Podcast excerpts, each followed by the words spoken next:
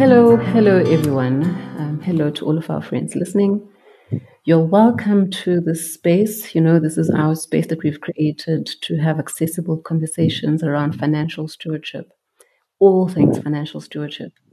Um, I want to give a special shout out to everyone who is joining us for the very first time, even all of you friends who are returning episode after episode. Um, enjoy this conversation that we're going to have today. It's quite a heavy topic, but I think you can still enjoy it. I just want to remind you, as usual, that um, here we are talking about our experiences, um, our knowledge by virtue of education and professional experience. However, the best thing is always going to be for your personal circumstances that you contact a reputable, trusted professional who will have a unique view into your face that we do not have in studio. Uh, secondly, I'd also like to remind you that this is not a sponsored talk and that none of our business partners or employers are sponsoring or paying for the production of this podcast. Therefore, no one should ever sell this podcast to you. You should never take out money from your pocket to pay to listen to this podcast. Today, we are talking about the basics of taxation for individuals. Now, I know that we have listeners from all corners of the globe. Um, please do bear in mind that we are talking about South African income tax that is collected by the South African Revenue Services. They have a website, sars.org.za. That is the best place to get a lot of the information that we're going to cover here, and you are most welcome to double check us on anything that we are going to say here today. And without any further ado, I would like us to welcome our special guest for today, Snazo Bulana. Uh, Snazo, welcome to Epokothweni. Thank you for making the time to come and chat to us.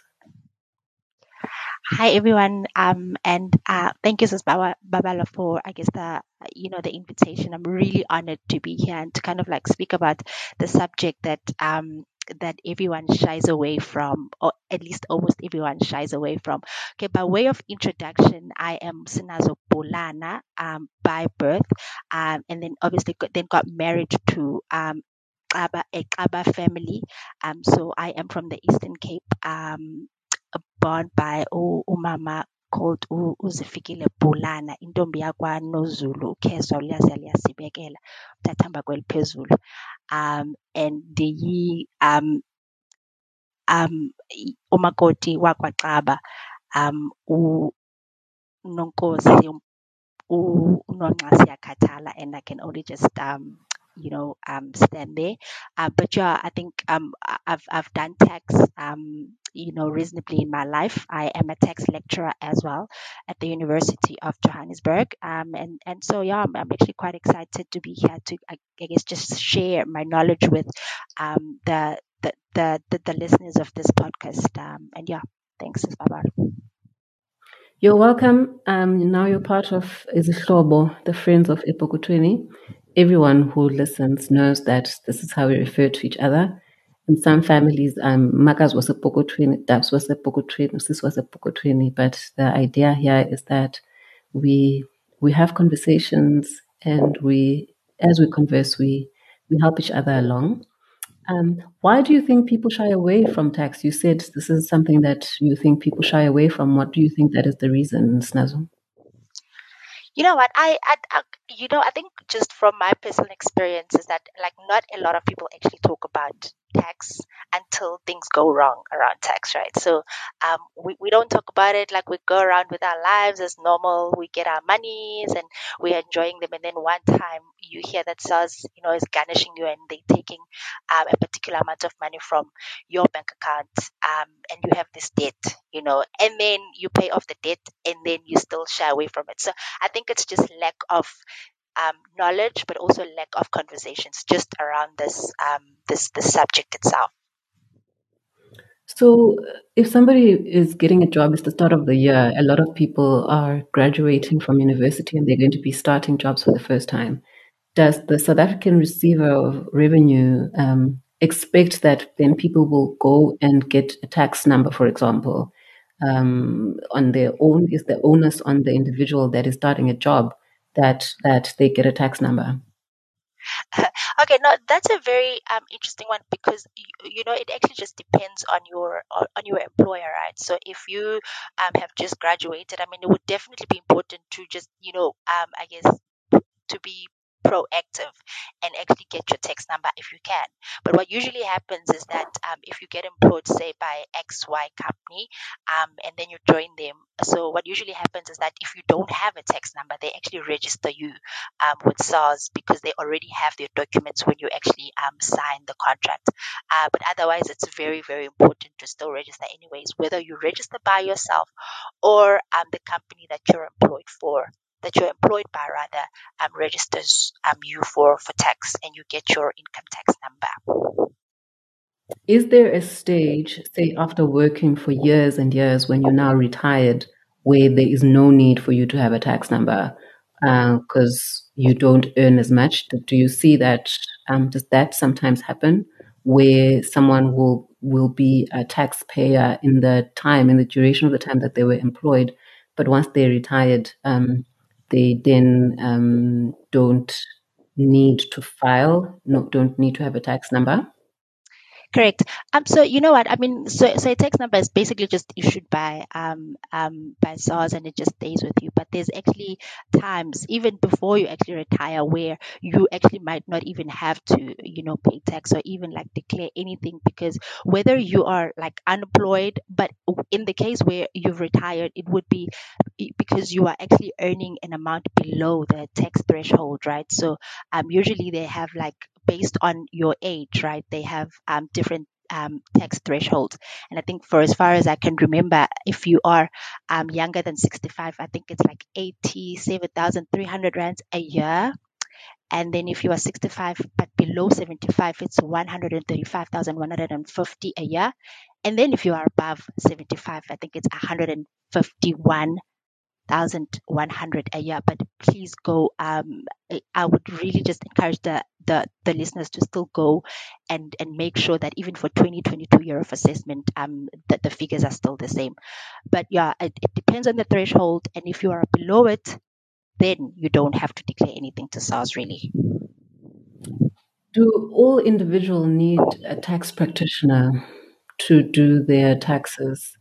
Um, I remember when I was starting out, I actually did tax returns as a day job um, for mainly commission earners, for people that that um, started their own businesses. So um, things have changed a lot since then, since the time I was in tax consulting. Um, would you say today, absolutely every person that pays South African income tax needs an accountant or a, a tax consultant? I think it really, you know, like like a, an individual tax return is, is pretty straightforward, right? So if you have e-filing and you are just like a basic or rather like an average um, um, employee who just earns a salary and there isn't really much complications to your life, um, there isn't really any you know problems because what happens is that um, your employer already pre-populate or or rather they already um, submit your stuff to SARS, right? So your IRP5s, which I think is something we're going to talk about. Um, so if that is already there, all you got to do is just go fill out your personal information, see if everything is correct, and you can just submit.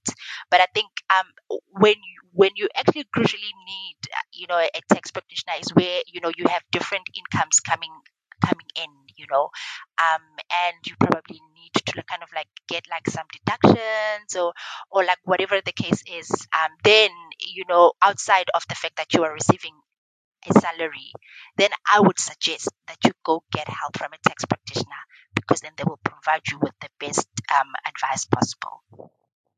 Would you say that that's also applicable to people who are in the gig economy or freelancers, people who work for themselves?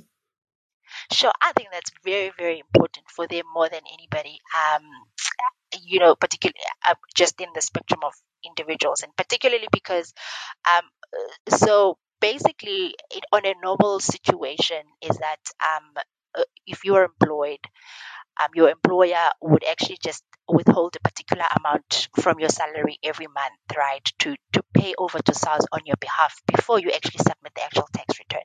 But I think it's quite different than with gig um, people, the people who are in the entertainment industry or or like just getting like gigs on a like gigs here and there, right? Because then probably like the employer, but you also need to make make sure, right, with your employer. But usually the employer does not withhold tax on your behalf. They give you all your money. It is then your responsibility to still go and declare to SARS. Um, so it's very very important um, to to still make sure that you get if, if it, actually that one is very important that you actually get a tax practitioner to do the stuff for you because nobody is actually withholding any tax um, on your behalf to submit to SARS. So yeah. So even people who are, say, working on contracts, it's important, I would imagine, to ensure that whatever record you're given um, as proof of payment for the period that you're doing the contract for, that you are careful to note whether there is tax withhold withheld by by the person you're contracting for um, on your behalf um, and and also because you're typically going to be doing more than one piece of work and working maybe on more than one um, project that that the sum of all of those is well recorded and that you ensure that you declare all of the income and all of the expenses um, am I am I right to say that it's not just people in the gig economy, but it's also contractors and people who are self-employed that it's important to make sure that you you get help and that you make sure that um, tax that you know whether tax has been withheld on your behalf from your pay that you received or not very crucial. Um, that you you are very correct, um, Babala, because um, it, and and I mean, you know, just to make like an example, right? Uh, I I once worked for like this company where we did a bit of payroll as well, right? But what really happens is that usually when a company um, employs um, an independent contractor, right, is that they because it, it would create just an inconsistency in the amount that they pay to SARS. They just decide, you know what, we're actually not going to declare any um, tax on their behalf. They'll actually do it themselves and they give you your money just as is. So it's very important to look at your payslip or whatever thing that you're receiving from that um, employer of yours and see if any amount was taken and, and, and given to SARS. And if not, then you are liable for that amount and you are liable to actually uh, pay the full amount that's due to SARS when you submit your tax return. I'm just wondering are there instances where if somebody has employed me and paid me a fee and for some reason not held back tax and paid it over to SARS, where when I eventually go and see an accountant or a tax practitioner such as yourself or your colleague, where I can turn around and say, but I'm not at fault here. Um, they didn't withhold the tax. Is is there such allowable instances? I really wish there would be. I really wish there was any like something like that. But you know, unfortunately, um, with just some of the tax laws, there's literally something that really writes it's it's the onus of the taxpayer to make sure that their taxes are, are paid and they're up to date. So they don't really look at your employer. They the, the employer is basically just liable for their own um, you know um, liabilities um, which is employees tax. And in the case of that your actual declaration of your own taxes unfortunately you are the one liable for that.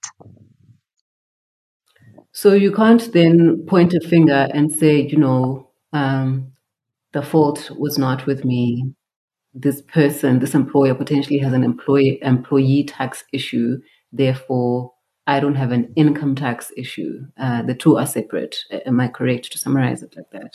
Yeah. So I mean, you know what? So maybe let, let me just like expand um, in in um this a little bit. So um so so there is instances where the employer is liable to take an amount of money and declare it to SARS, and that's if you know um, they're obviously just giving you a remuneration, right? So eh, you are actually like an employee, right? A full-time employee to them. Um, at there, in that case, then they are obviously um, liable to um, take a part of your salary and pay it over to SARS. And if they don't, then they'd probably be liable for it. But in a case where you are an independent contractor and you are like probably like working there for like two months or a month or so, um, it's it's your responsibility. Hmm.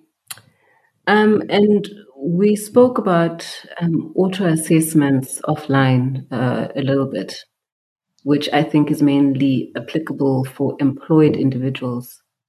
Please, can you elaborate further what pre um, what auto assessment means. Okay. So basically, what it means is that um, so maybe basics of it is that so SARS basically has access to to banks, to medical aids, to whatever So what happens is that they um so um so your your employer, say for example your employer, they obviously then um submit your IRP5 to SARS. Medical aid submits um, your medical aid tax certificate to SARS, and all the other things, you know, your interest income, your dividends, whatever, submitted to SARS. So SARS collects all this information that they have available on your behalf, right? And they basically um, assess you based on the uh, based on the information available to them for you, right? And then immediately they then auto assess you. So they, they, they assess you based on that information that, that, that they have available. And so what would usually happen is that if you then go into your um, e-filing, you will get there and then they'll actually say, okay, you, you've been auto assessed, right? But if you want to accept the assessment, click accept, accept, and then you would have accepted the assessment as is. But in a case where you feel like, you know what, I still need to check and double check if everything is fine, then you can go and just relook at, at, at your return. Uh, but basically, what it means is that SARS has basically done everything for you, um, and there's really no need to go and and do anything unless you really have to do something. Can there be any errors on an auto assessment? And if so, um, if so, if if so, are there who's responsible for for errors on an auto assessment? Am I completely responsible when I click accept for the content of what's in the auto assessment? Yeah, so I mean, so firstly, I think with the first point of can there be anything wrong? So, like I said, they use what's available to them. So, if you know that you you have something, probably like um, you had income coming from, I don't know, you know, wherever, you know, probably had like a side hustle or whatever, um, and you know, then obviously if if you had that side hustle then there would not have been anybody withholding tax on your behalf. So you will find that there was no tax certificate on your tax return so then it is your responsibility to then go and declare that amount uh, before accepting the the auto assessment. So it's things like that but if all you had was just the you know the medical aids the um, the salary from your employer, then there, there's absolutely nothing that could go wrong unless you also changed your banking details or you maybe changed um, your marital status or anything on your personal details has actually changed. But but like in terms of um, the actual figures and and whatever they're quite accurate if they are from the employer um, themselves and then in terms of uh, being liable for anything that would go wrong if you accept it, um, so so like I said, it's still your responsibility to still go and make sure that your return looks good. Uh, but there's also something on your tax return that um, that allows you to resubmit, you know, your, your return. So if you've accepted and probably you know you feel like okay there's still something wrong you can go and you know resubmit your tax return. Uh, that could cause a bit of complications but you know if you are fine then if there's nothing dodge about you then you'll be good.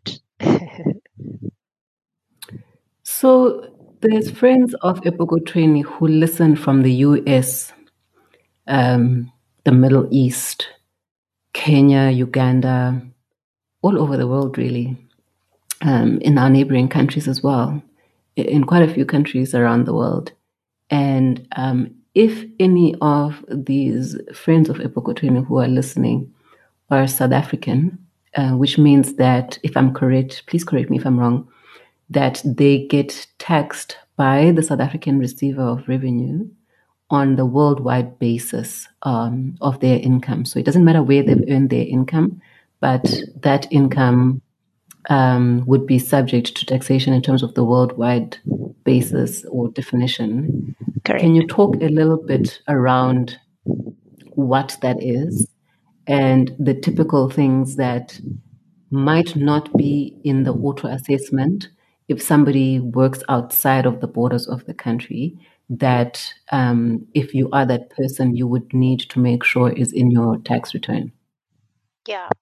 So I think um, with with um, you know people working outside and but they still you know um, residents um, in South Africa, um, it like the thing that you actually spoke about, which is being taxed on a worldwide income, is is very important and, and and it's very correct. So if you are still a resident in South Africa, right, um, then you will be taxed in accordance with the laws of South Africa. So, but what what you can normally do, right, and and I'll just like be very brief in in in, in this subject because I'm I'm I'm not so much exposed to international tax. But what usually happens is that um, there's some countries that have um, agreements with um, South Africa. So countries have different tax agreements with one another, right? On how they are gonna tax um, their exports or like people. Um, so if if if I am a South African resident and I'm probably like I'm making an example, I'm probably in the UK, and if there's a particular document between South Africa and the UK stating how particular um, um particular um you know or rather how um an individual is supposed to be taxed if they are if they are from South Africa, right?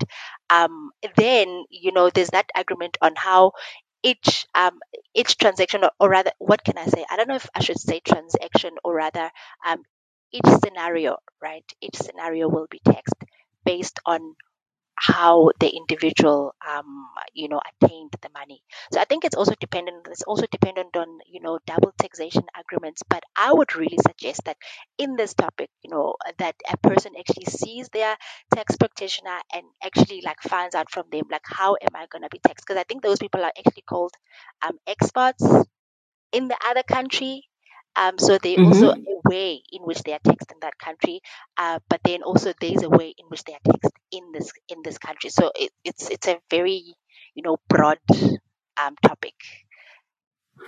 I just want to pause here and make a statement because in these days of the internet, we're all Google. We are doctor and accountant Google. You know, we are experts on Googling things, which is not a bad thing at all. I don't think it's a bad thing. Yeah. Um, I think it is also worthwhile recognizing the limits of Google. Um, it's great that there's Epokothweni and that there's other people online and on YouTube and on Twitter. You find them in almost every social media platform, um, sharing tax, investment, um, financial literacy type of content. But friends, uh, I think the point that Snazo has just made about expatriates and how they are taxed is very crucial to note with regards to all of the other content that we consume. That um, in tax and in other areas, there are often subspecialties. Um, Snazo lectures tax, but she said so herself that you know she's not a specialist in dealing with matters um, of expatriates. Does that mean she doesn't know tax? No. There are similar people online that you're going to find talking about investments.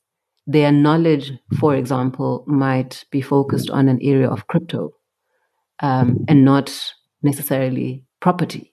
Yeah. And so when you need property information, you need to go to the right kind of person who is got the right qualifications. You must satisfy yourself that the knowledge that you decide to, or the information that you consume online that you decide to apply in your personal affairs across investments, savings, taxation, trading, whatever it is you decide to, to consume content on, that you, when it comes to your matters, that you actually approach the right um, type of professional. Uh, I think the internet has equalized things a lot, and we are all able to share what we know. But we need to be careful.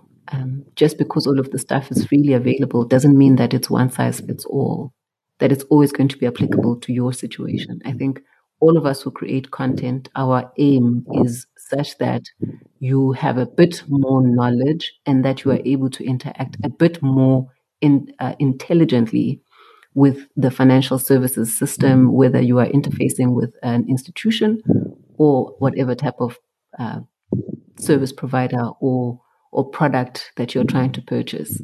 So um, it's not to say that people don't know what they're talking about, but it's to say that where you you need to know what your need is and better than the next person and approach the right kind of financial services professional yeah. um, about it um, instead of blindly following it. I think it's something that I always encourage on the podcast that we must be people who research, research, research, panda, panda, panda, and satisfy ourselves that we don't just take things at face value. Very, very important.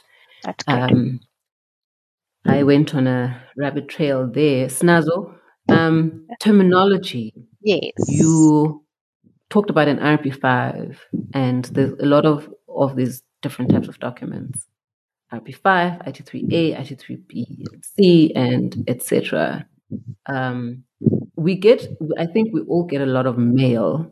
Um, thank God we don't get postal services anymore. Well, some of us still do to an extent, but that stuff fills up the post box. Um, now it also fills up the email inboxes. What should we look out for if start with a typical employed person, Snazo? What should we not put into file 13? And what you know that that is going to be required or important when we come to submit our tax returns.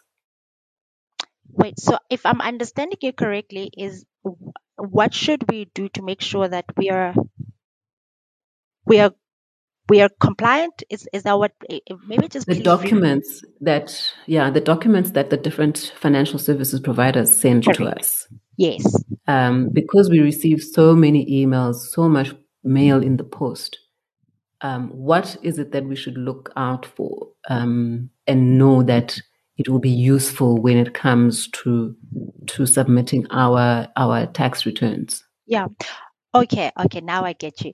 Uh, so, um, so basically, I think the the the one, okay, maybe on a broader, um, you know, scale, maybe let me just say that, you know, when they send normally, right, um, is that when they send you, they've already um, they've already submitted to SARS, so it's already pre-populated, right? But it's still very important to take them. So basically, the first one is um, the IRP5, which is from your employer, right? Um, that basically um, shows your um, your earnings, the amount of money that has been withheld uh, by your employer throughout the year and paid over to SARS, um, and any other things like your allowances or whatever the case is that would have been received from your employer, right? And then the other thing would be your um so the other one is IT ITA, right? ITA tax statement. Um, and basically what that is really is, is that it's a, um, it's still, you know, a, a, a, an, a, a statement that you actually get from the employer, right? Almost like an IRP5. But then this one is, is for a person whom uh, their, um, there was no tax that was with held on their behalf by their employer um, due to um, reasons like you know them being under the, the tax threshold and, and they they, they can't be taxed, right? So basically what happens is that you, you need to get all of that. You need to get any other tax certificates that you would have gotten from your financial institutions. So if you had investments, um, and you obviously would have gotten maybe like interest income, then you need to collect that. Um, if you've invested in some shares or whatever and you've gotten dividends, you need to collect all of that um, from um, the financial institutions. Um, and then, uh, you know, if there's any probably, so what you would usually use these for is to just verify if everything shows on your tax return, right? And if everything shows, still submit the tax return, but keep them for record keeping, right? Because what SARS says is that for five years you need to keep your records, right? Because anytime there could be an audit where they just want to see that you have all these things that you've declared and you need to be able to submit to them. So it's very important that you also do that record keeping for your um for your own sake and to to I guess lessen the stress if they would ever do a, an audit um, on you. Thanks so much for highlighting that because audits are not things that are done just on companies, right? Correct. correct They're done correct. on individuals as well. Yes. Um, very important to note. A lot of us are working from home to to an extent, Snazo. Uh, what are the most important things that we need to bear in mind when it comes to working from home? Are there any deductions that we are allowed to make against our taxable income for for the purposes or for the reason of having worked from home? Yeah. Yeah, I mean, definitely. So, so SARS has actually, you know, you, I, I, come with some of the situations where they would actually allow um, a person to actually have some of the deductions, right? So, if um, I'll literally just paraphrase, right? You can still go look it up, like like Babala has said, to still go research.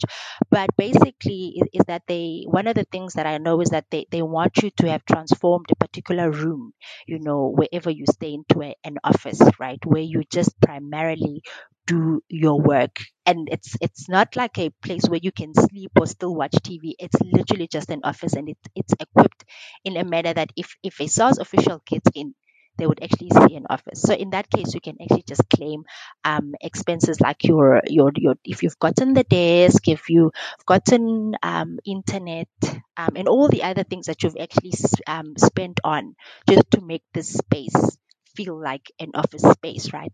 But also the one other thing that also people need to be very aware of is that um, you can also so with like rent, right? So if you are renting an apartment and you have like a two bedroom um, apartment and one of the bedrooms has been turned into this um, into the space right of of office or you you are paying a bond and one of your rooms has been turned into this space then you are still able to claim you know um rent or um bond you know um and this is you know they calculated interest on, interest on the bond a portion of the interest on the bond or the complete bond so, so I think it would actually have to be like the actual like installments of the bond. So if the installments of the bond include interest, then that would actually be be that, right? Because they calculate it on a on a what is this thing on a what do you call it? Um, uh, basically, they apportion your house based on that little space over the a whole square space. meterage. Yes. Um, and they do the calculations. And if you want to do that, I, I would still advise again that you would actually go, go, see a professional so that they do the right calculations. Um, and then if there's any um, audits that happen, that you are still able to um, to show their the, the, accurate information, or rather the accurate figures um, that you've calculated mm. on. Hmm. This is something I personally need to double check. Actually, yeah. Um, I haven't done tax in almost 20 years now. Um, and I think there could be a refund there for me. Definitely. we would like a bit of a refund. Yeah, definitely. Um, Snazo, um, for people that are employed, oftentimes you'd find that there's allowances that people receive, such as maybe for cars um, and entertainment. Yeah. What is the most important thing that individuals who receive allowances in addition or other fringe benefits to help them do their jobs better in addition to their straight salaries? What would be your um, your word of caution to those individuals um, when it comes to their personal taxes? Yeah, I think I'll actually just talk about like I guess the the most you know popular one, which is you know travel allowance or like you, you know like a, a, an allowance that you you you are just granted by the employer for um, traveling purposes. So what what SARS usually does is that they they usually look at whatever you've received and and they usually give you almost like a like a benefit to say, okay, you can actually still deduct, um, you know, your business kilometers, you know, that you've actually traveled out outside of the actual, you know, so we will actually, you know, tax the the portion of the travel allowance that you've actually used for private use, right?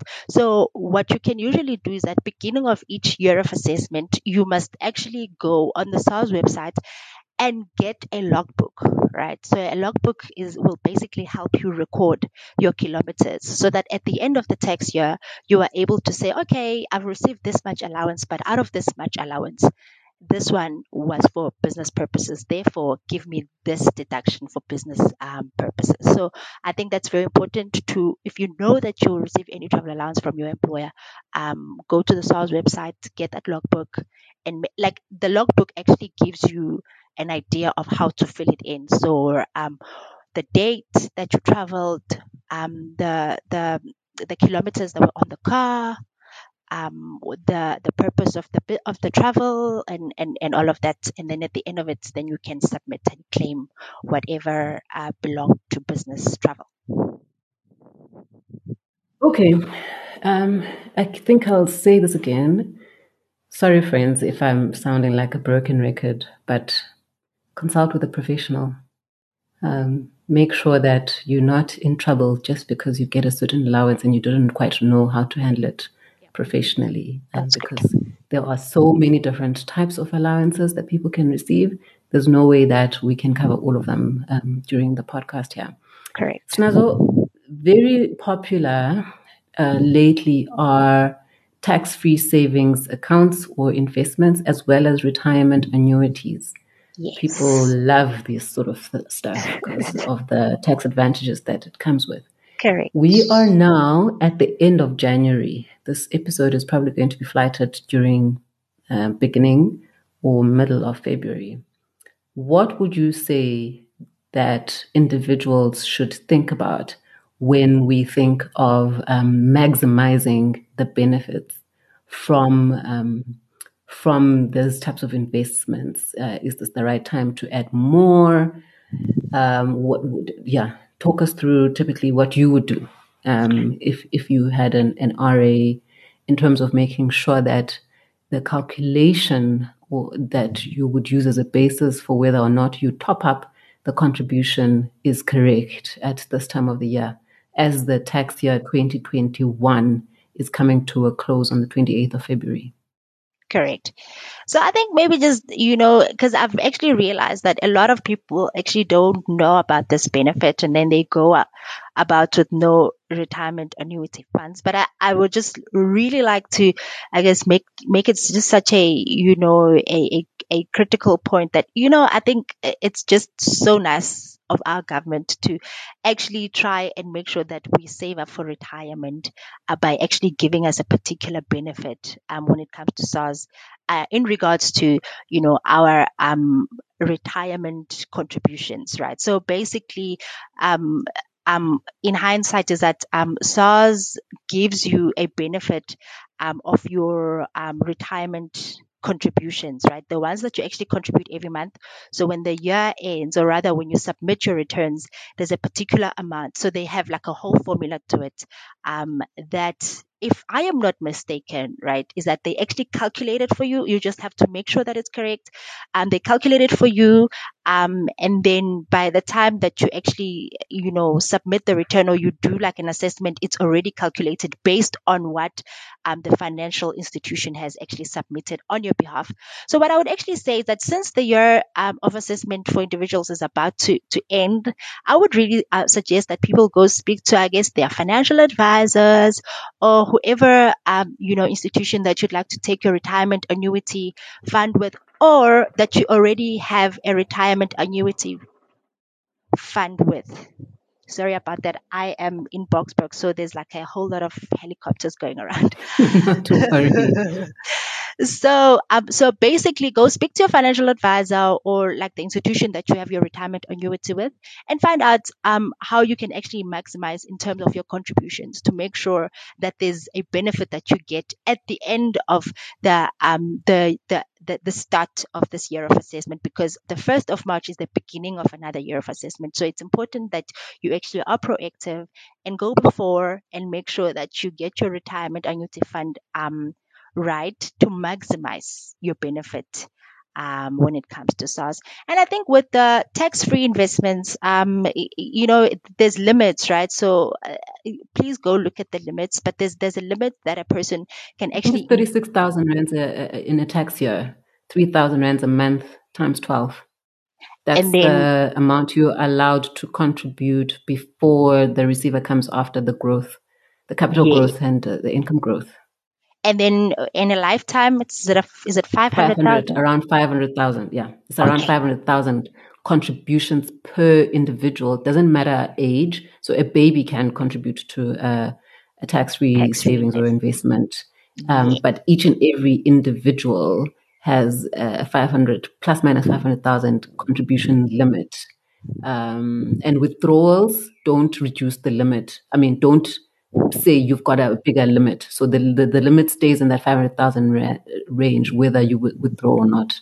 That's that that's correct. And also just to add also the the number of, you know, you know, tax, you know, investment that you actually open don't actually like increase your limit. So it's per person, not per, you know, investment. So mm-hmm. that's very good to, to, to note as well. Um, and, and I mean, anything above and beyond what SARS gives you, they give you a penalty. Um, so it's very important to still stick to the the actual amount, um, or rather the actual limits that they've given you. Uh, but it's very good to do things at the beginning of the new tax year, and that's before the 1st of March um, 2022, really. There's a very popular side hustle, which is that of rental properties, Snazo. Yes. Uh, I don't know if you agree with me, but South Africans, we love owning bricks and mortar. We love having something tangible to point to that that is mine. And we put people in, they, they, they rent.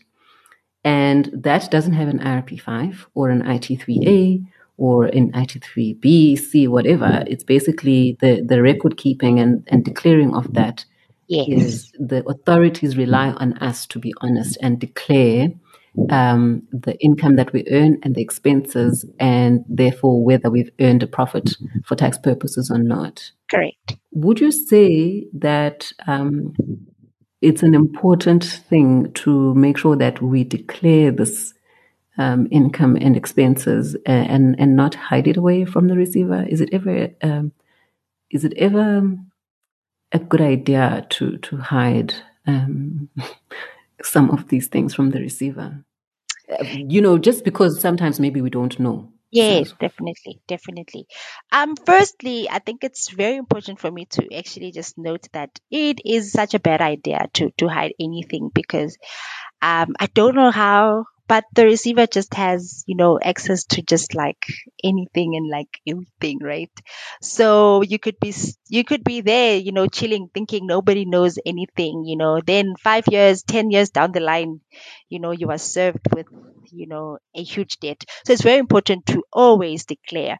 Uh, but i think um, so firstly with um, rental income um, so there's there's there's there's what we call remuneration which is obviously when you get like your um, you know your actual salary your your leave pays your wages your overtime whatever.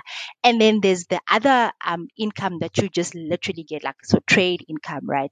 So we di- we usually you know, um, we would say this is like trade income, right? But so what, what, what would, what you would normally do in that case, because in a case, so I would rather make an example like this. In a case where a person receives a remuneration, is that a, a the employer declares um, a particular amount in the form of employees tax on their behalf.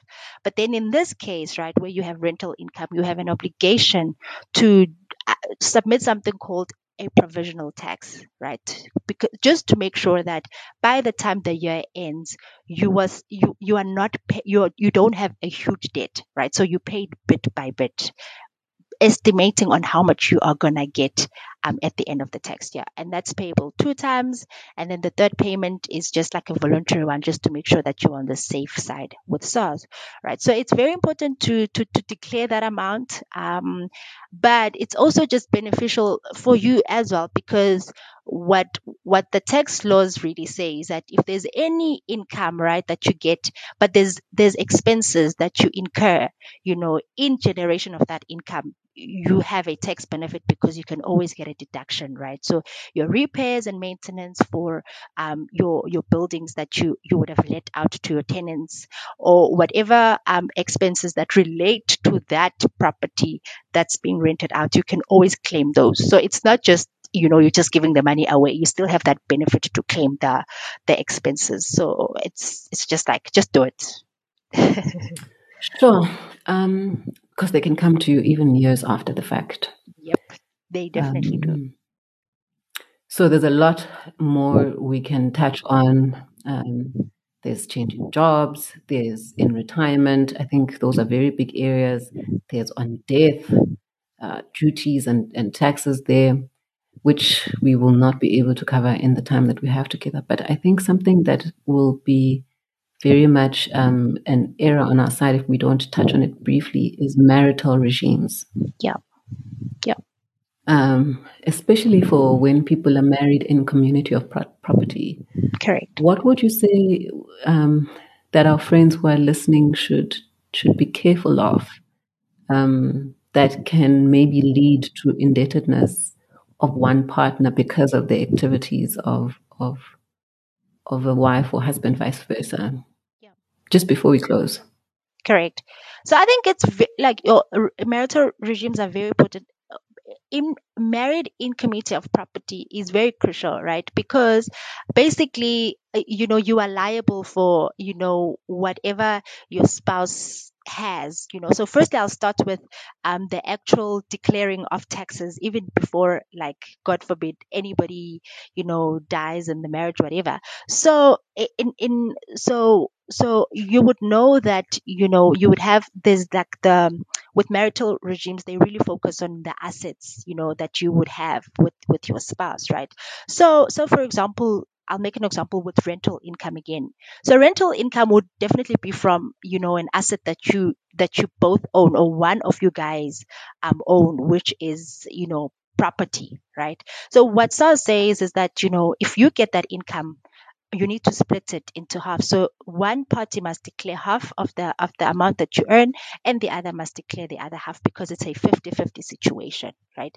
But also you are you you you get that and then there's also you being liable for any liabilities that your spouse has so if for example um my spouse uh, was owing SARS 2 million and then you know on a sad situation god forbid he passes on unfortunately i am liable for that amount because I am I am married in community of property, and that means that whatever his debts are, they are my debts. Whatever my debts are, they are his debts. So it's very important to constantly also just consult with your um, with your uh, practitioners in terms of if you are married in community of property, what incomes must you receive under the the accrual system under this this marital regime thing and, and split 50 50 and make sure that both of you guys are constantly um, in right standing with SARS because um, if anything ever happens, uh, you know the the spouse that's left behind you know is liable for the debts so ladies when you put the ring on it that marital regime question has uh, has far reaching implement implications definitely um, get that prenup get the right advice. Snazo um, thank you so much for making time. Um, I, this is such a big subject. Um, but i think you've given us enough to be able to have a meaningful in conversation or engagement with our accountants and tax practitioners, know when we need their help, um, and and not be so intimidated. Right when we started uh, at the start of our conversation, we said this can be quite an area of intimidation tax. So thank you so much for demystifying it a little bit for us. Yeah. Um, and uh, are you in practice at all? I'm not. So currently, right now, I, I, I am not. I'm just literally like doing the teaching more than anything. okay. Yeah. So if we wanted to continue the conversation, hopefully we can do like a live sometime. Yes, definitely. Um, definitely love that. But um, friends, you know where to find us, Epokotweni. That's our handle on all social media platforms. And um, yeah, thank you for making time to listen to this episode. It's the first one that we've done completely in English so that we make sure that we don't uh, leave our friends behind. Yeah. Let me know um, on social media if you'd like me to translate. I'll do my best um, so that we also don't. This is primarily a podcast in isiXhosa, so we don't want to ever deviate from that. We want to make sure that everybody is, is lock and step. Um, we're all together. And so, if you think it would add value that I um, translate or, or yeah, uh, summarize some of the key points that we've we've talked about with Snazo, please do let me know. Hit me up at epoko20 on all social media platforms or uh, via WhatsApp on 072 650 7641. Thanks again for listening. We'll see you next time.